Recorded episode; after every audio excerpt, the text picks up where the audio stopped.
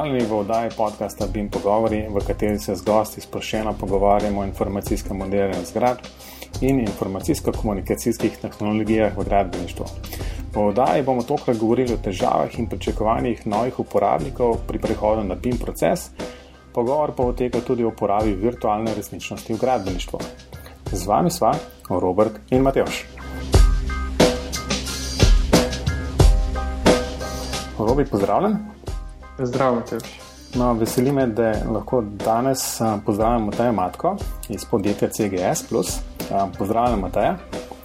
Živijo, fanta, no. poslušalci. No, Mateja vodi oddelek za arhitekturo in visoke gradne na podjetju CGS. Mateja lahko v parih stavkih poveš nekaj malega o sebi. Ja, kot omenjeno, prihajam iz podjetja CGS, sicer pa po izobrazbi arhitektka. Um, moja pot v BIM se je začela predveti na faksu, bolj po naključju, kot namensko. Uh, ko sem v sklopu v bistvu študijske prakse delala v biroju, kjer so uporabljali takrat še AutoCAD in Revit, in glede na to, da se s programom nisem poznala, mi je bilo zanimivo in praktično, da se takrat začnem to učiti. In tako sem z delom v Revitu, in kasneje tudi nadaljevala v sklopu faksa in prišla v prvi kontakt z bodočim šefom in zdajšnjo službo, um, in tudi uporabo samega Revita. Ne. Um, lahko, če smem vprašati, v bistvu zdaj sicer to bo malo um, kazalo, koliko si star, ampak ne bomo točno o tem govorili, ampak v bistvu kdaj, kjera letnica je bila recimo to, da, da, da si se prvič z Revitom srečala? Prvič z Revitom, mislim, da je bilo to 2.8, uh, verzija Revita je bila pa 2.9. To je takrat prvič, ko sem jaz to odprla in začela sploh s programom, sploh na splošno s 3D modeliranjem, kjer jim koli, ker pač na faksu tega nikoli, bom rekla, niso uh, popularizirali. In pol nekako tudi uh, je bilo bolj samo inicijativno, da so se tega lotila. Ne? No, to je bilo pa moje prvo vprašanje, ker imamo občutek, da na arhitekturi še vedno malo šepa uh, upeljava teh novih modelirnikov, vsaj kot imam jaz um, informacij iz fakultete. Ali ja, si, si se prav tam srečala z Revitom, ali je to pa zgolj slučajno? Uh, ne, v bistvu na, v času uh, mojega študija na fakulteti Revita praktično noben ni poznal. Jaz sem, kot sem rekla, v, v enem biroju na praksi uh, se s tem srečala, potem malo, bom rekla, sam inicijativno se začela učiti s pomočjo sodelavcev tam. In kasneje v bistvu se odločila, da program uporabljam tudi v študijskem programu, se pravi za take projekte, ki smo jih delali v sklopu faksa. Tekom teh projektov uh, sem pa prišla v kontakt tudi z Ivom, ki ste ga gostili tudi v vaši oddaji. In kasneje potem tudi nadaljevala sodelovanje na CGS. Ker pač problem je bil blih takrat v času moje eh, diplome, ko sem diplomirala, je bila uh, največja kriza v gradbeništvu pri nas in kot arhitekt sem težko dobila oziroma zelo neredno dobila delo in tekom nekih projektov se potem odločila, da uh, oziroma me je Ivo takrat tudi povabil na CGS, kjer se mi je zdel pa zelo zanimiv ta IT in arhitekturo uh, nekako povezati, oziroma kako so jo takrat meni to tudi predstavili, tako sem bolj pristala na CGS-ju. Če pa odgovorim na tvoje vprašanje fakultete, takrat se mi popolnoma nič revita omenjali, uporabljali Coca-Cola ali pa zelo zgolj neke izjeme. V zdajšnjem času sicer je več aktivnosti, zato ker smo tudi mi bistveno bolj aktivni tam, ampak kar se tiče pa same fakultete, pa bistveno premalo ne zdaj samo glede Revit, ampak na splošno novih tehnologij, računalniških tehnologij. Tam, um, kar po en stran razumem, ker seveda zagovarjajo, bom rekla, nek konceptualni dizajn, ideje, neomejevanje študentov z tehnologijami, se pravi, hoče to kreativnost pustiti uh, prosto pot. Ampak vseeno, uh, tako kot v bistvu manjka prakse, tem manjka tudi neke, nekih novih tehnologij, ki na fakulteti niso predstavljene, ali pa mogoče v zadnjem letu zelo, zelo začetek, sami začetki tega. No. Um, Lahko še eno vprašanje glede Revita, če morda veš. Um, jaz ne vem, zakaj sem skozi, imam nekaj v glavi, da je Revit v bistvu ni razvil Autodesk, ampak da je Revit bil samostojen produkt, preden ga Autodesk kupil, oziroma kupil to podjetje, ki je Revit razvijal. A ti mogoče veš kaj o tem? Ja, res je. Program je bil prvotno um, razvit Pa ne vem, zdaj, kdo ga je razvil, ampak mislim, da bo to leto potem okoli 2003-2004 kupljeno strani Autodeska, prilagojen, nadgrajen, dodatno razvit uh, prvotno za arhitekturo. Kasneje, potem uh, čez nekaj let, dodali tudi strukturne funkcionalnosti in urodja, in potem kasneje še MEP. Ker prvotno so bili to ločeni programi, ne Architecture, MEP in Structure. Leta 2013 so pa revite združili in od takrat obstaja samo Autodesk Revit z vsemi funkcionalnostmi. Wow. No, v bistvu, kar si, si tole govorila, sem jaz vmes malo pogooglil. No, in hmm. stric Google vse ve. Tako, um, je tako da to je nek uh, Revit Technology Corporation, tako da očitno je kar po, po samem, samem podjetju imel program tudi ime v osnovi. No, in kupil sem ga pa leta 2002. Aha, no, evo. Tako da že kar, že kar nekaj let uh, v domeni Autodeska. Tako, mislim, da sta začeli razvijati ga po okoli leta 2000, ne, če se ne motim. Mm. Še, še ne strani Autodeska, ampak v osnovi. V bistvu, no, če, če, je to, če je to res, je, je ta Revit Technology Corporation um, bil ustanovljen leta 1997. Tako da najbrž nekje v tistem času potem tudi začetek razvoja. Ja, ja. No, če že googlamo, podjetje se je preimenovalo v Revit Technology Corporation januarja 2000 in je izdalo Revit verzijo 1 aprila 2000. Prej no, no, drugo evo, vse smo, vse smo rešili. Evo, zdaj, to je to, v bistvu to, je bil, to, je bil, to so bili današnji BIM pogovori. Um, imamo še kaj za dodati? Um, ja, seveda no, imamo. Jaz bi se vse nekaj vprašal.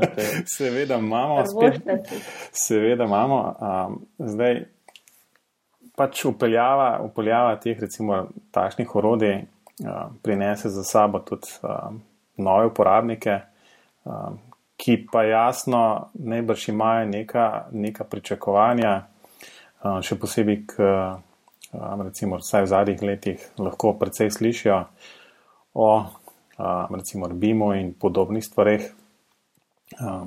Kako se, kako se skratka, na CGS-u srečujete s temi novimi uporabniki, kakšno so tiste pričak, njihova pričakovanja, težave, s katerimi se spopadajo na začetku tega prehoda na, na eno tak BIM, BIM proces?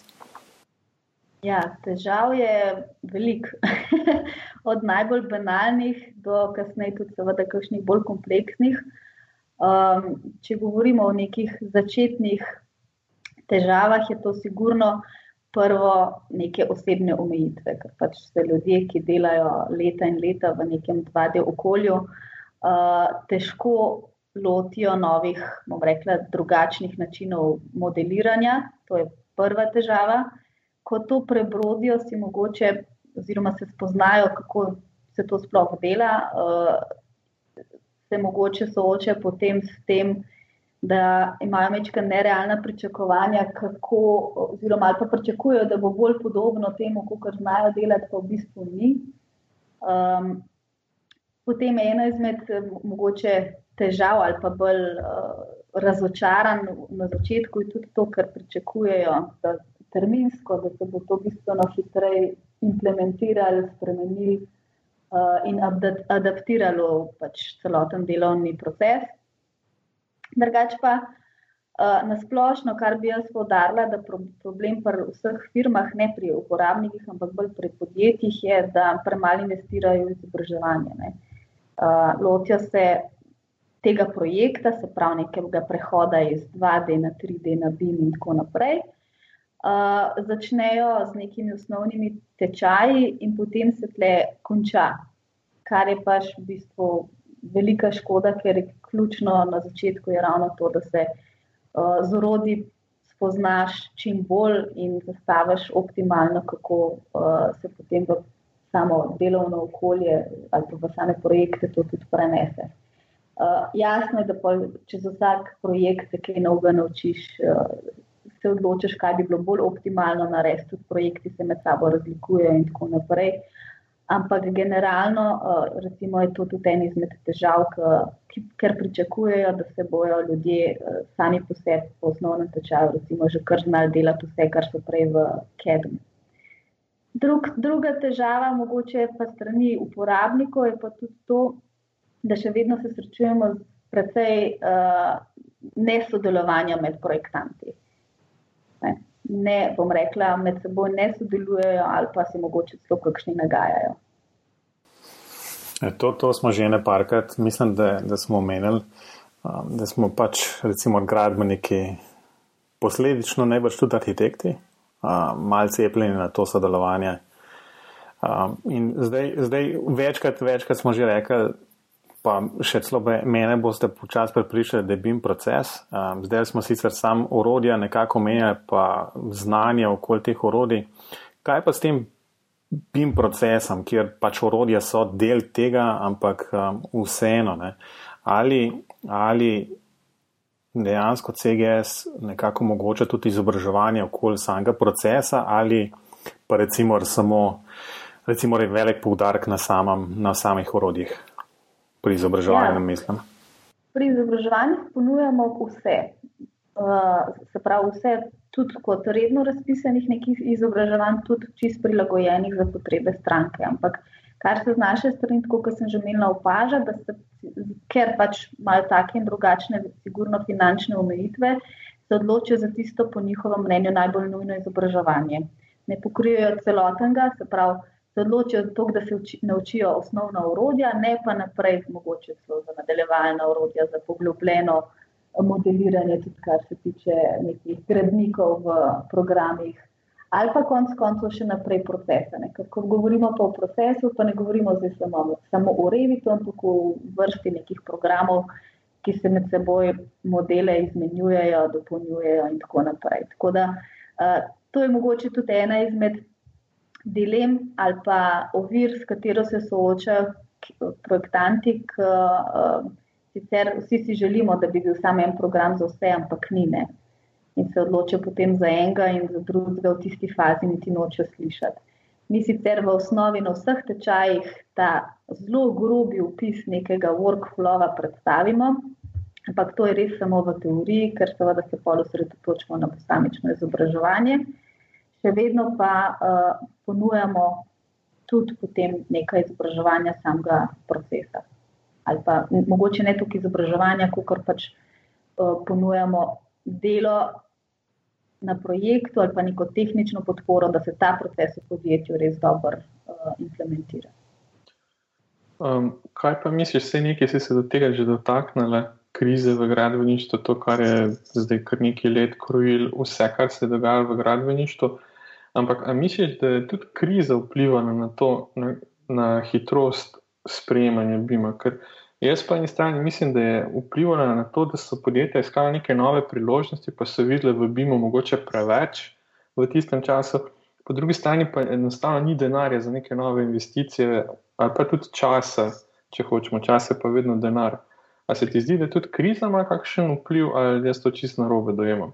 Ja, zagotovo. Pred parimi leti, ki je mogoče pravimo, da je bila kriza na višku, ne? Eh, sicer ideja, oziroma tako, kot si rekel, so iskali nove priložnosti, ampak še vedno niso pa si mogli prvoščiti nekih dodatnih ulaganj v nove tehnologije, programe, investicije. Uh, kar, je pa, kar je pa v bistvu paradoks. Ne? Na nekih starih stvareh hočeš več ponuditi, kar ne moreš. Če hočeš več ponuditi, ne moreš kupiti tega. Uh, in obratno, po drugi strani uh, sem jaz pre, pro, poskusila, bom rekla, to krizo ali pa pomankanje projektov predstaviti na, uh, ravno na ta način, da zdaj, ko so imeli, recimo, da mečkam več časa, kot so sami v bistvu to rekli, da imajo, da ne izkoristijo to za učenje ne, in, in bom rekla. Upeljavo novih tehnologij, ker vsak, ko imaš pa blazno gužvo, projekt na projekt, mogoče celo ne, ne dohajaš, takrat je težje spremenjati procese. Tako da, ja, kriza je definitivno vplivala na nekatere, tako da so se lotili bima, na druge pa ravno obratno, da se niso lotili, ker je pač ni bilo finančnih možnosti. No, to, zdaj, zdaj smo govorili veliko recimo, o uporabnikih, projektantih, arhitektih in tistih, ki recimo v tisti nekih fazi pač projektiranja so tista gonilna sila, ne, ki, ki, ki dejansko pelje projekt. Um, kaj pa na drugi strani, investitorji? Um, ali a, a imaš kakšen občutek, ali so investitorji kot takšni zainteresirani za to, da, um, da se bim upelje v, v neko splošno gradbeniško prakso, ali so s tem sploh seznanjeni in vejo, kaj oni lahko pričakujejo, recimo na daljši rok. Po mojem mnenju, investitor, ki je seznanjen s tehnologijo, je zainteresiran. Je pa res, da smo, uh, da smo do zdaj bolj osveščeni projektanti kot investitorji. Čeprav dejstvo je, da investitor uh, ima največ, bom rekla, uh, bi mu mogel biti najbolj v interesu. Tako da definitivno treba se, treba investitorje osveščati, treba jih izobraževati in pač jim predstaviti te nove tehnologije in oni morajo potem to tudi zahtevati od samih uh, projektantov in to vključiti v svoje naročila. Uh, je pa tako, kot smo imeli mi neko tranzicijo pri projektantih, da smo to jim predstavili, uh, popularizirali, je enako pri investitorjih. To večkrat traja. Vse pa je definitivno to z to direktivo, ki je prišla iz, uh, Evropske, iz Evrope, to tudi pri nas premaknili in to konc koncev tudi društva pri nas aktivno delajo, se pravi, da neke večje investitorje um, ozaveščajo in prepričujejo, da je to prava pot in jih probajo usmeriti. Kaj pa po tvojem mnenju, um, glede zastopanosti posameznih strok v takem procesu?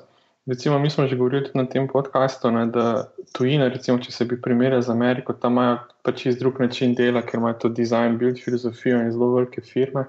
Mhm. Pri nas je pa to vse razkropljeno, neko pa, pa še dodatno težavo to predstavlja, da v tujini je poklic civil inženir čist nekaj druga, kar je pri nas. Ne. Pri nas se to tako strogo ločuje, da, da je včasih že kar malo pretirano. A misliš, da tudi to vpliva na, na en tak proces, pa koliko je tudi, glede na to, da imaš neke podatke, koliko je kaj iz posameznih strok zastopanost na teh vaših izobraževanjih? glede na to, da smo slišali od večjih gostov na podkastu, da je recimo z elektro, eh, projektanti elektroinštalacij, kar en problem, ker težko najdejo nekoga, ki se, ki se ukvarja z elektroinštalacijami in bi bil pripravljen delati v nekem BIM okolju oziroma BIM procesu. Ja, uh, definitivno je tujina tukaj v prednosti, ker ima seveda velike večja podjetja, celoten inženiring, ki uh, zaposluje vse projektante oziroma vse stroke. Ne, in tukaj je največ prednosti, kar se tiče BIM-a. Uh, Pri nas, po drugi strani, je pa ta razdrobljenost med posamičnimi strokami prinesla cel kup težav. Eno je to, kar sem že prej omenila, da je to nesodelovanje, drugo je pa potem, da se arhitekti po eni strani za tehnologijo ali pa za BIM odločijo. Ne, uh, ostali pa še ne. In, enaka izku, in taka izkušnja je tudi pri nas. Večinoma se za, um, so se za PIM, Revit oziroma kjerkoli program, platformo odločile primarno te firme, ki imajo vse inženirje uh, pod svojo streho. Sekundarno pa posamična podjetja in večinoma so to arhitekti začeli. Nadaljujejo gradbeniki, prav govorimo o Revit Structure. Uh, in tako, kot si omenil, projektantov strojnih in elektroinštalacij je zelo malo. In so, in so, in so zelo zaželjena roba. ne, v bistvu si, si mislim, da je izpostavlja kar en tak, recimo, se mi zdi, kar resen problem, ne? ker si rekla, ok, arhitekti so tisti, ki so recimo prvi v vrsti, ki naj bi ta BIM proces zapeljali oziroma uporabljali ta urodja. Po drugi strani si pa prej rekla, da se pa na sami fakulteti za arhitekturo kaj prodost v tej smeri ne dela oziroma se jim pač tam jasno daje tisto umetniško svobodo, ker jo arhitekte dejansko potrebujejo. Um, ja, tako da mislim, da je kar, kar zadeva je kar resna, ne? ker konc koncev mislim, da o samem BIM procesu in BIM modeliranju taki gradbeniki tipični, ne? ker so konc koncev tudi konstrukterji, statiki na koncu več slišijo kot pa arhitekti. Res je. Tudi mi imamo tako izkušnjo študenti, ne, ko izvajamo tečaje na uh, fakulteti za arhitekturo ali pa na FGG-ju. Na fakulteti za arhitekturo sicer je bistveno več zanimanja, ampak bolj v smeri 3D modeliranja, ne bima. Ne. Po drugi strani, ko imamo tečaje na, na FGG-ju, se pa vidi, da je ta, bom rekla, tehnična usmerjenost bistveno bolj prisotna in jim je bolj domač program, se se spuščajo v ta BIM in ne samo v samo modeliranje, ki, ki pač ga seveda tudi BIM prenaša. Ne.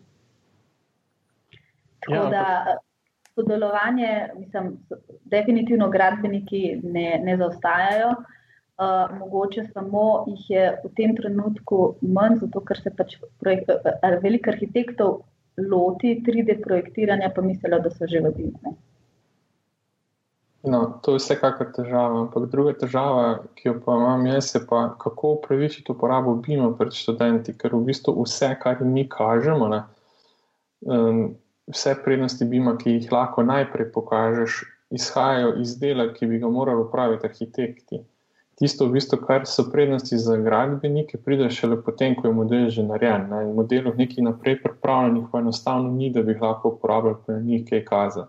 Tako da s tem imam pa jaz probleme, ne? ker včasih me kakšen študent preseneti z vprašanjem, da ja, ok, ampak ne delajo to arhitekti. Pa mu ne morem reči ne, ne? ker dejansko bi morali to delati arhitekti.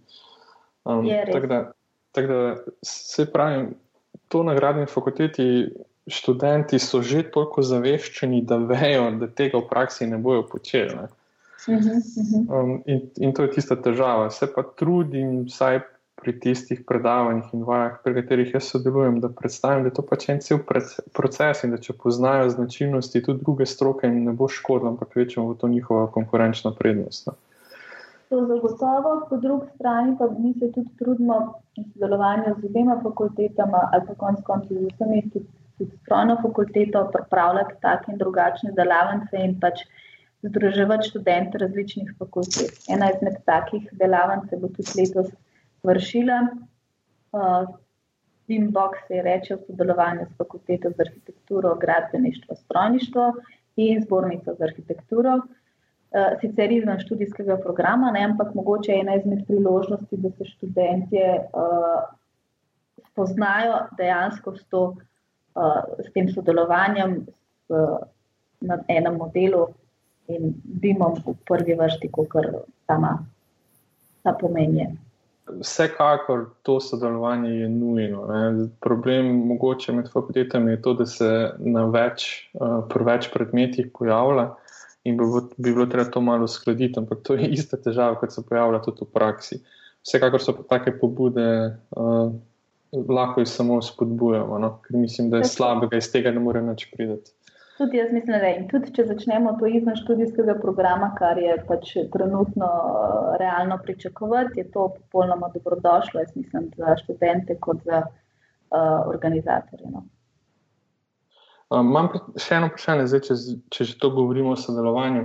Uh, glede na to, da vi zastopate Autodesk in njegove produkte, kako je pa tvoje mnenje glede tega, da se ljudje izobražujejo tudi v drugih programih, ker v enem takem BIM procesu je zelo nerealno pričakovati, da bodo se uporabljali samo programska oprema enega proizvajalca. Res je.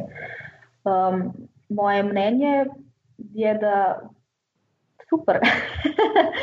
ne, uh, meni se zdi, jaz pač seveda preferiram program uh, Revit, vsi ostali kakšnega drugega, to je osebna preferenca. Uh, in tudi drugi programi, bodi si Allplan, Arhiket, kjerkoli, uh, so zagotovo pač, uh, dobri. Jaz jih osebno ne morem pač ocenjevati, ampak uh, fajn, da se kjerkoli lotijo, ne glede na to, kjer ga se.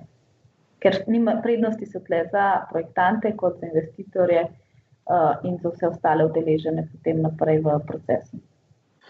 Kakšen je pa potem tvoj komentar na to, da je Revit pregovorno zelo slab v komunikaciji z ostalimi programi? Ja, tle je pa pač uh, dilema, katero se bomo verjetno do danes še dotaknili, closed beam in open beam. Uh, ki, kaj ne rečem? V filozofiji je ideja open beama odlična, v teoriji malo drugačna. Um, v praksi pa predstavljam si še precej drugačna. Tako. V praksi pa spet drugačna. E, kakšen izvoz ima revit, pač ima kakršen ga ima, tle mi nimamo kaj dosti vpliva. Pač prednost Autodeska je bil to, da ponuja pač tak širok nabor urodij, da lahko njiho, v sklopu njihovih urodij nekako to funkcionira. Zdaj, koliko pa na ven, je pa drugo vprašanje. Ne?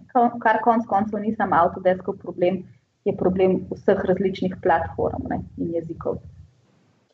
No, to se sicer ne strinjamo čisto, ampak uh, vprašanje moje naslednje je pa to. Ne? A, A ne gre to ravno v nas, a ni to ravno v nasprotju s celotno filozofijo BIM-a in sodelovanja in souporabe modelov in izmenjave informacij? Prav to, da bo ja. to spet debata closed open BIM, ampak kako ja, no, te želim izvati. Tako kot uh, Revit in ostali programi omogočajo izvoz v IFC, ki je pač neutralen format za izmenjavo modelov in informacij. Uh, tako da tle Revit ne zaostaja. tu bi spet imel kaj komentar. ne, ne, ne zaostaja, vsekakor omogoča, ampak glede na informacije, ki jih imamo, no, je ta izvoz zelo, bomo rekli, vprašljiv. Ampak to, to spet ni, ni samo stvar Revita in Autodesk, ampak je bolj stvar IFC certificiranja, ki je pa spet ena čisto ja. druga zgodba. Jaz mislim, da smo to obdelali kar, kar potanko. Um, bi pa v bistvu jasno nadaljeval z, z um, BIM-om kot osrednjo, osrednjo um, temo, ampak zraven upletel še eno kratico, ki se reče VR, um, se pravi Virtual Reality, um, kjer saj iz enega tazga. Uh, teoretičnega stališča je v gradbeništvu uporabljeno predvsem v, v neki taki virtualni resničnosti za namen predstavitve nekih dizajnov, končnih produktov naročnikom, ki bi si verjetno iz samih modelov ali pa še celo iz 2D tlorisov prerezov dejansko težko predstavljali, kaj sploh naročajo. Matej, povej, kakšne so pa kaj izkušnje glede pač tej virtualne resničnosti? V gradbeništvu. Ja, um, in arhitekturi, jasno, posledično. Ja, seveda. Um, tako je, no, mi se pač se trudimo vedno nekaj novega ponuditi, pa ne samo mi, ne pač to na splošno trg, vedno nekaj novega ponuditi um, naročniku. Včasih smo, smo bili zelo zadovoljni, če smo že naredili vizualizacijo in to pokazali investitorji, in je bil tudi on noro zadovoljen. Zdaj je vizualizacija že skoraj uh, pričakovana, če ne, oziroma nujna. Uh, in v nadaljevanju so, nam je tehnologija potem omogočila, da nam da ponudimo toliko več, prav neke uh, real-time vizualizacije, oziroma neke konc koncev tudi walkthrough, prelete in podobno. To, ki so bile v obliki še vedno v nekem, uh, bom rekla, imidž formatu ali pa filmčku in podobno. Uh, v nadaljevanju pa smo se potem, kar smo tudi v bistvu na naši konferenci predstavljali, so pa seveda neka nova tehnologija, oziroma VR, to, kar si omenil, uh, za pregled takih modelov oziroma okolij, uh, očali uh, Oculus, kjer smo pač probavali neko idejo, predstaviti naročniku na drugačen način, na bolj, uh, bom rekla, inovativen, zanimiv in podobno. Tako da, uh, glede na to, da Oculus vsi po naših izkušnjah veliko ljudi poznani, noben se pa ni še srečal z menim. To je bila ena izmed, bom rekla, super priložnosti, da so se projektanti s tem srečali, videli, sprobali uh, in smo imeli kar v redu odziv. Meni se je zdelo to pač lušten za videti. Je pa tako, kot si rekel, to ena izmed novih možnosti predstavitev uh, zdaj. Ne? In hkrati, poleg BIM modelov, se, so se potem po programi, kot so vem, Lumion ali Autodesk Live, pojavili se prav programi, ki nam omogočajo pripravo takih modelov za potem pregled tudi z uh, VR. Se pravi, da, se pravi, zdaj ta programska uprema, ki nastaja, v bistvu omogoča avtomatsko pretvorbo BIM modelov v tak format, ki je potem uporaben v nekem navideznem okolju. Ali sem to prav razumel? Ja, v bistvu programi omogočajo, da se uvozi noter nek BIM model. Konec koncev niti ni nujno, da je BIM model, lahko je tudi nek 3D SketchUp ali pa DVG. Uh, se ga po potrebi dopolni, uredi, doda kakšne efekte, bodi si zvočne uh, ali vizualne, kako koli. In priprav potem za pregledovanje z recimo Oculusom ali pa GearVR ali kjerkoli napravo že. Se pravi, nekje 360 panorame. Ne? Se pravi, da je to zelo podobno kot je delal program Lumion, s tem, da oni izvažajo, če se ne motim, kar videe. Uh -huh. um, to, to pa zdaj lahko dejansko sami gledajo v vseh smerih. Uh, tako Lumion je v bistvu nadgradil program. Oziroma, dodal funkcionalnosti, kjer se pripravi neke, bom rekla, točke pogleda, uh, in se te poglede deli z investitorjem, kjer lahko to pregleduje, bodi si v spletni aplikaciji ali pa z očali in se potem to obrača 360. Še vedno pa je to neka panorama. Ne? Aha, razumem. A je možno te, te modele v navidezni resničnosti, ali je možno to na kakšno lokacijo prelepiti, ali to zaenkrat še ne omogoča? Uh, lahko se, se pravi, tako v Lumion, kot verjetno v kakšne druge programe, vozi podloga iz, iz Google Earth ali SketchUpa, um, kjer ima lahko tudi neke 3D modele že notrne, če jih recimo Google ima in se tudi to zraven vidi. Ampak to je odvisno v bistvu od lokacije. V redu. Sem že yeah. mislil, da bo še Matejš kaj vprašal. Ne, se v bistvu Matejš zraven razmišlja. Um, če bi še sprašval in vrtel naprej. Um, Mogoče sam še eno vprašanje, zato ker ta levr je nekako tesno povezan še z eno kratico, ki se reče AR, po, uh mhm. -huh. po angliško augmented reality ali pa po naše, recimo RR, um, ja. se pravi razširjena resničnost. Um, kaj praviš um, s tem, s to razširjeno resničnost smo, resničnostjo smo se tudi na faksu kar nekaj, nekaj ukvarjali um, cel kup težav zraven sicer tudi odkrili, zato ker je recimo ena taka bistvena komponenta tega RR pač neka, nek realen čas. Ne? Um, ja. In kaj misliš, v bistvu je, je to v nekem doglednem času možno upeljati um, na gradbišče, kjer bi recimo ta to razširjeno resničnost uporabljali skozi neke, neke pametne telefone ali pa druge naprave, ne da bi bili jasno omejeni z očali, ker pač tole bi bilo zelo nevarno po gradbišču hoditi s tistimi očali. ja, jaz verjamem, da tehnologije že zdaj omogočajo, uh, da to dejansko se da narediti. Zdaj, kako, kako, da, kako hitro bo pa to prišlo v gradbeništvo, v arhitekturo ali pa v povezavi z našimi urodji, uh, pa ne bi znala reči. Ampak jaz mislim, da je čisto varno, če rečemo, da to dejansko bo. Ja, bo, ampak ta časovna komponenta je vedno, vedno zelo vprašljiva. Je pa očitno, glede na to, tudi, da so v prejšnjem taju gostila Zlatka Vidriha, ki se danes ukvarja z to razširjeno resničnostjo. Uh, ti danes tudi izpostavljaš to nevidno resničnost. Očitno je to naslednji korak v To je ena izmed novosti, ki je definitivno atraktivna in zanimiva za laike, kot za strokovnjake. In je zanimivo videti in se spoznati s tako izkušnjo. Tako da, če tudi če tega ne uporabljaš, je fajn uh, videti. Ne? In tle je mogoče ali konkurenčna prednost za kakšne, ki to bojo ponudili naročnikom, ali pa izključno za neko svojo zabavo. No, ampak moje vprašanje, če gledaj, da končam, je bil ta, ali misliš, da bo šlo v to smer? Ali je to zgolj ena izmed dodatnih ponudb znotraj obstoječih rešitev? Mislim, da bo to dodatna ponudba, ki ne bo, bom rekla, posod razširjena.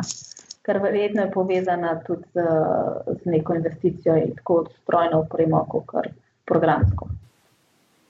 Ja, zanimivo bi bilo enkrat v bistvu tako, če, če recimo rečemo 10-15 let naprej, da na koncu koncev nek projektant sploh ne bi več sedel za računalnikom, ampak bi bil kar že v nekem virtualnem okolju in sestavljal um, stene, okna, postavljal na ta prava mesta in podobne stvari delal ne? in v živo gledal praktično, kako nastaja stavba okoli njega. Tako da, če malo si malo zamislil, je bilo prav kul. Cool, to bi bilo prav kul, cool, res.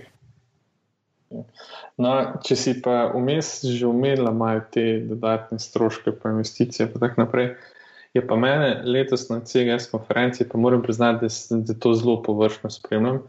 Um, me je presenetilo, da je Autodesk zdaj v kinu nakupe programske opreme, ampak ponuja zdaj zgolj naročnine. Ampak, če se ne motim, to sem za nove naročnike, tisti stari še zmeri imajo neke ugodnosti, če se ne motim.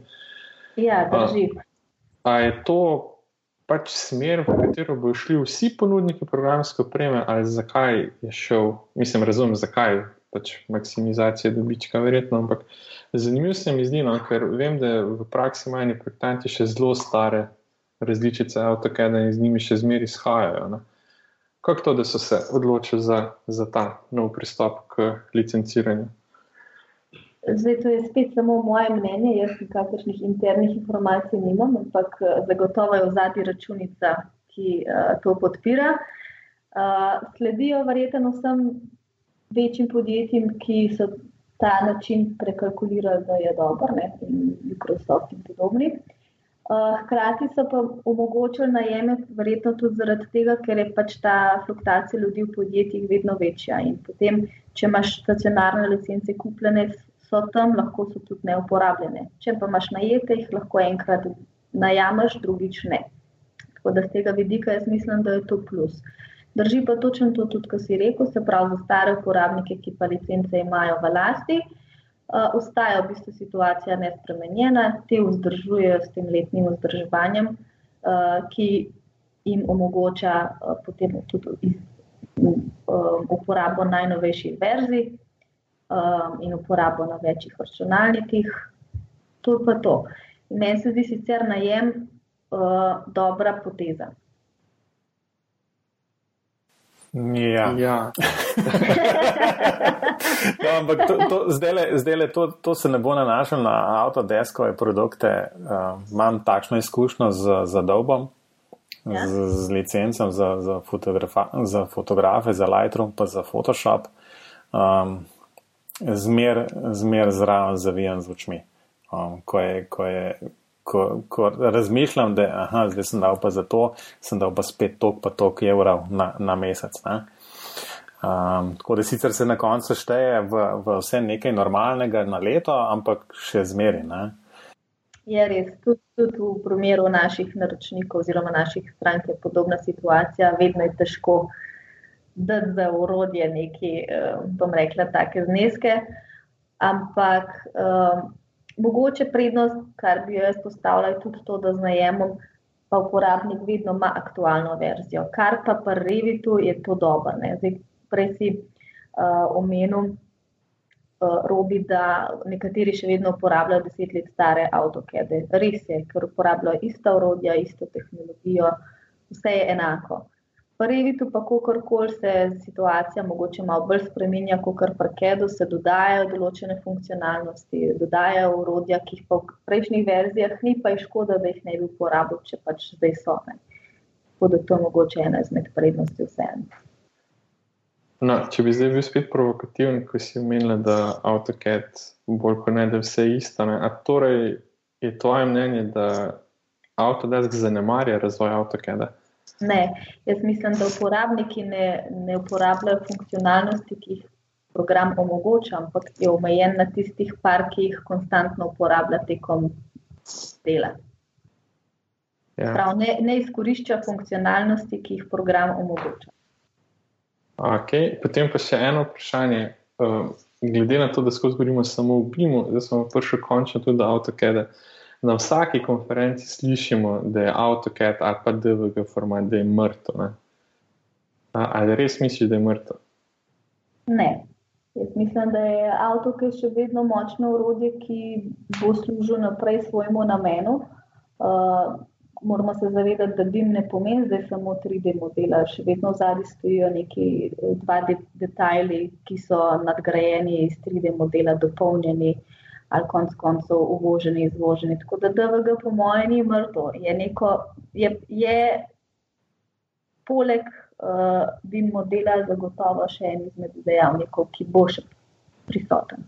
Ja, jasno je, da, jasno je, da so recimo, ta starejši programi še vedno bojo živeli, živeli z nami kar precej let, tako da temu se ne da najbrž izogniti. Najjasno pa, da uh, bi morali te bodoče ali pa študente, ki so zdaj v, v študentskih klopeh, v bistvu dejansko um, začeti jih učiti direktno v, v, v nekih sodobnih urodjih, ne z avtodeskami, oziroma z, z avtokedom, se upravičujem. To no, drži, no, se... predvsem je za podarek tudi, da se ne uporablja, mislim, da ni univerzalnega urodja. Ne. Z božvenim urodjem vse naredil. To je mogoče tudi stvar, ki jih študentom jaz rada povem, da ne, ne pričakuje, da bo en program znal in bo to za vse, kar bojo v življenju rabili. Ja, kar je obenem tudi težava, kaj se ne eh, na fakulteti potem sploh uči. Ne, vem, da bi vsak rad, da se uči njihov program, ampak dejansko, kaj boš učil. Ne? Jaz študentom vedno rečem, da je vam ne morem kazati nobenega BIM programa, zato ker bo pa kdo drug rekel, zakaj druga ne. ne. Lahko mm -hmm. principe povem, pa vas usmerim, da boste sami tisti raziskali, ki vas najbolj privlači. Um, se pa ne strinjam, da bi morali začeti takoj učiti v BIM programe, ker je po mojem AutoCAD ena taka osnova, kjer sploh dobi občutek, kaj neko načrtovanje je. Nekaj, vsi, bi, vsi bi neke lego kocke zlagali, ampak ko je treba črto potegniti, pa da se dejansko pokaže, kje se konča, tam pa pol manj zmrzne. No. Um, to so pač ene take izkušnje. Ja, se strinjam. Um, ok, smo recimo temu um, obdelali to zadevo, ampak zdaj pa pride priporočila in potem še bolj bistveno so hitra vprašanja, ampak pri priporočilih, uh, tam se mi bo jezik čisto takno. Uh, kaj imaš pripravljeno? Um, ja, kar bi jaz priporočila, je, v bistvu, bi, vas, bi rada poslušalce obvestila, da stranica GSA pripravljamo cel kup izobraževanj v zimskem terminu, brezplačnih delavnic, predstavitev, rednih tečajev, nadaljevalnih tečajev, ravno vse mogoče stvari, s katerimi hočemo pokriti čim večjo publiko um, in uporabnike BIM-a. Tako da vabljeni, da se v tečaju ali pa delavnici udeležite.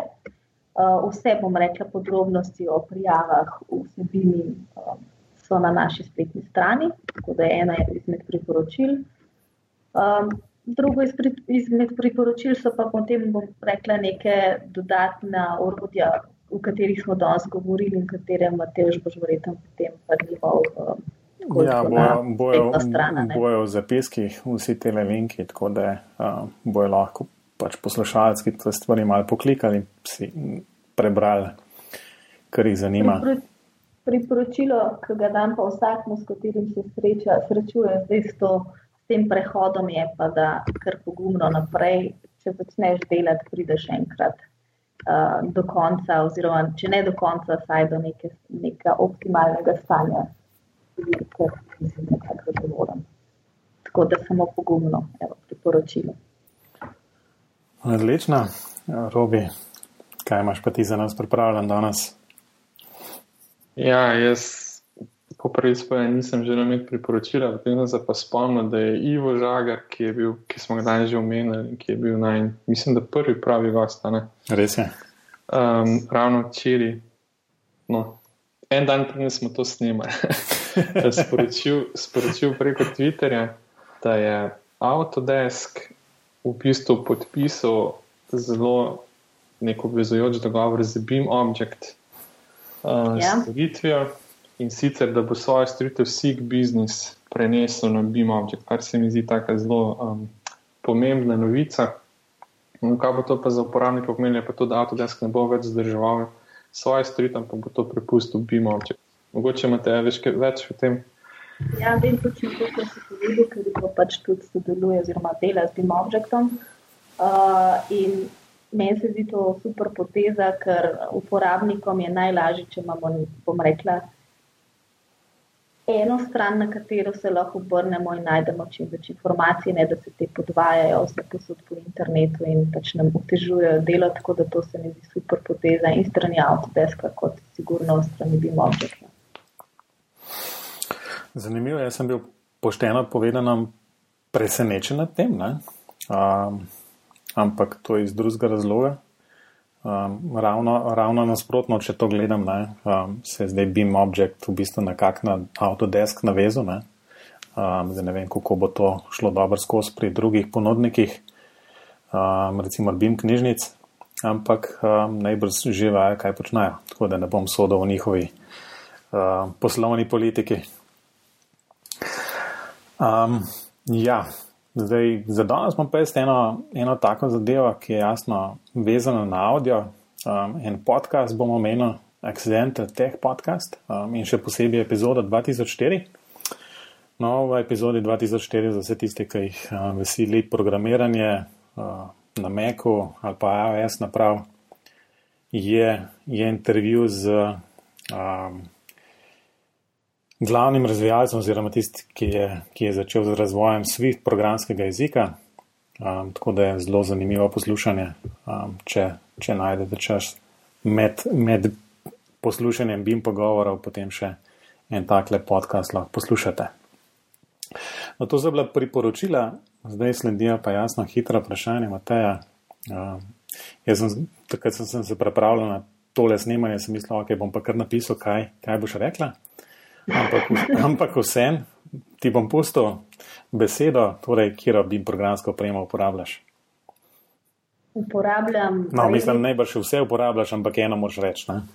Rečem Revit, drugače tudi Navisworld, Dynamo in podobni. Čeprav mogoče, ker si glih omenil, da, da sem tako predvidljiva, vse je zanimivo, da jaz sem v študijskem času prvo začela arhitekt delati oziroma se učiti in potem prišla na Revit, kar sem verjetno ena izmed redkih, ampak tako je nanesel. ampak če moram zdaj odgovoriti, definitivno Revit. Zanimivo. Nikoli ne bi bil gana. Uh, potem naslednje vprašanje je, to predvsem bo zanimalo Mateoš ali bo še bolj zaostajal. Kako razumeš BIM? Je to BIM model, proces? Zdaj, zadnje čase so slišali še več definicij. Žiga Turki začel s tem, da je to management, uh, ravno v enem gostu, oziroma gosti, ki še ni objavljen, so pa slišali, da je to lahko tudi filozofija. No, zdaj, tak, takrat, ko bo ta podcast ambulan, bo tisti prejšnji že objavljen ne, in mojca je dejansko rekla, da je to filozofija. Verjetno je vsak odgovor tukaj pravilen. Ne? Sem pa razmišljala, ker sta poslala, oziroma ker sem poslušala, kakšen vajen podcast, kdaj boste ta vprašanje ukinila. ne, to, to smo že večkrat, oziroma sem jaz že večkrat razmišljal, zdaj, ker um, se nočem mučati preveč. Ne? Ja, sej, sej. Ampak je veto, veto. Drugače pa se strinjam, v bistvu, ne da se strinjam, tako kot pravim. Zagotovo je delček resnice v vseh odgovorih.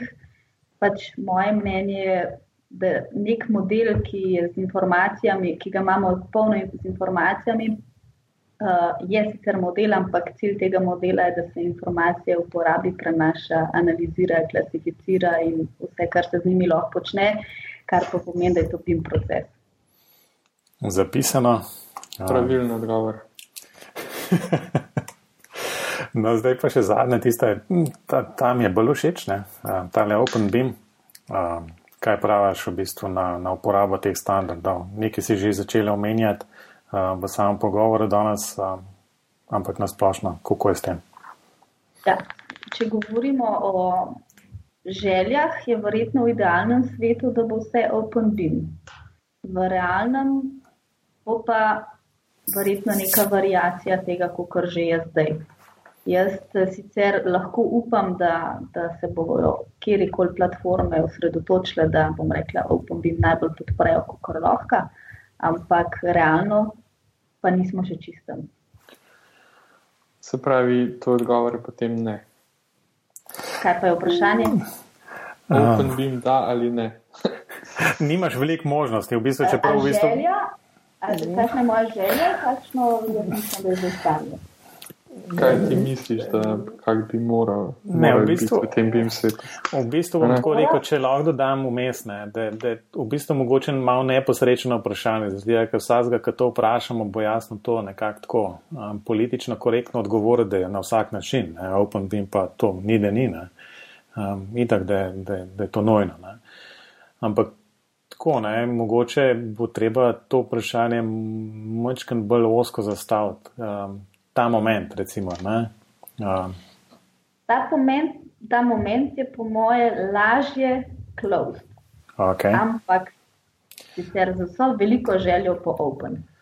Uh, bom jaz sicer ne napisal, ampak bom nekam dodal to, to dodatno razlago. ne.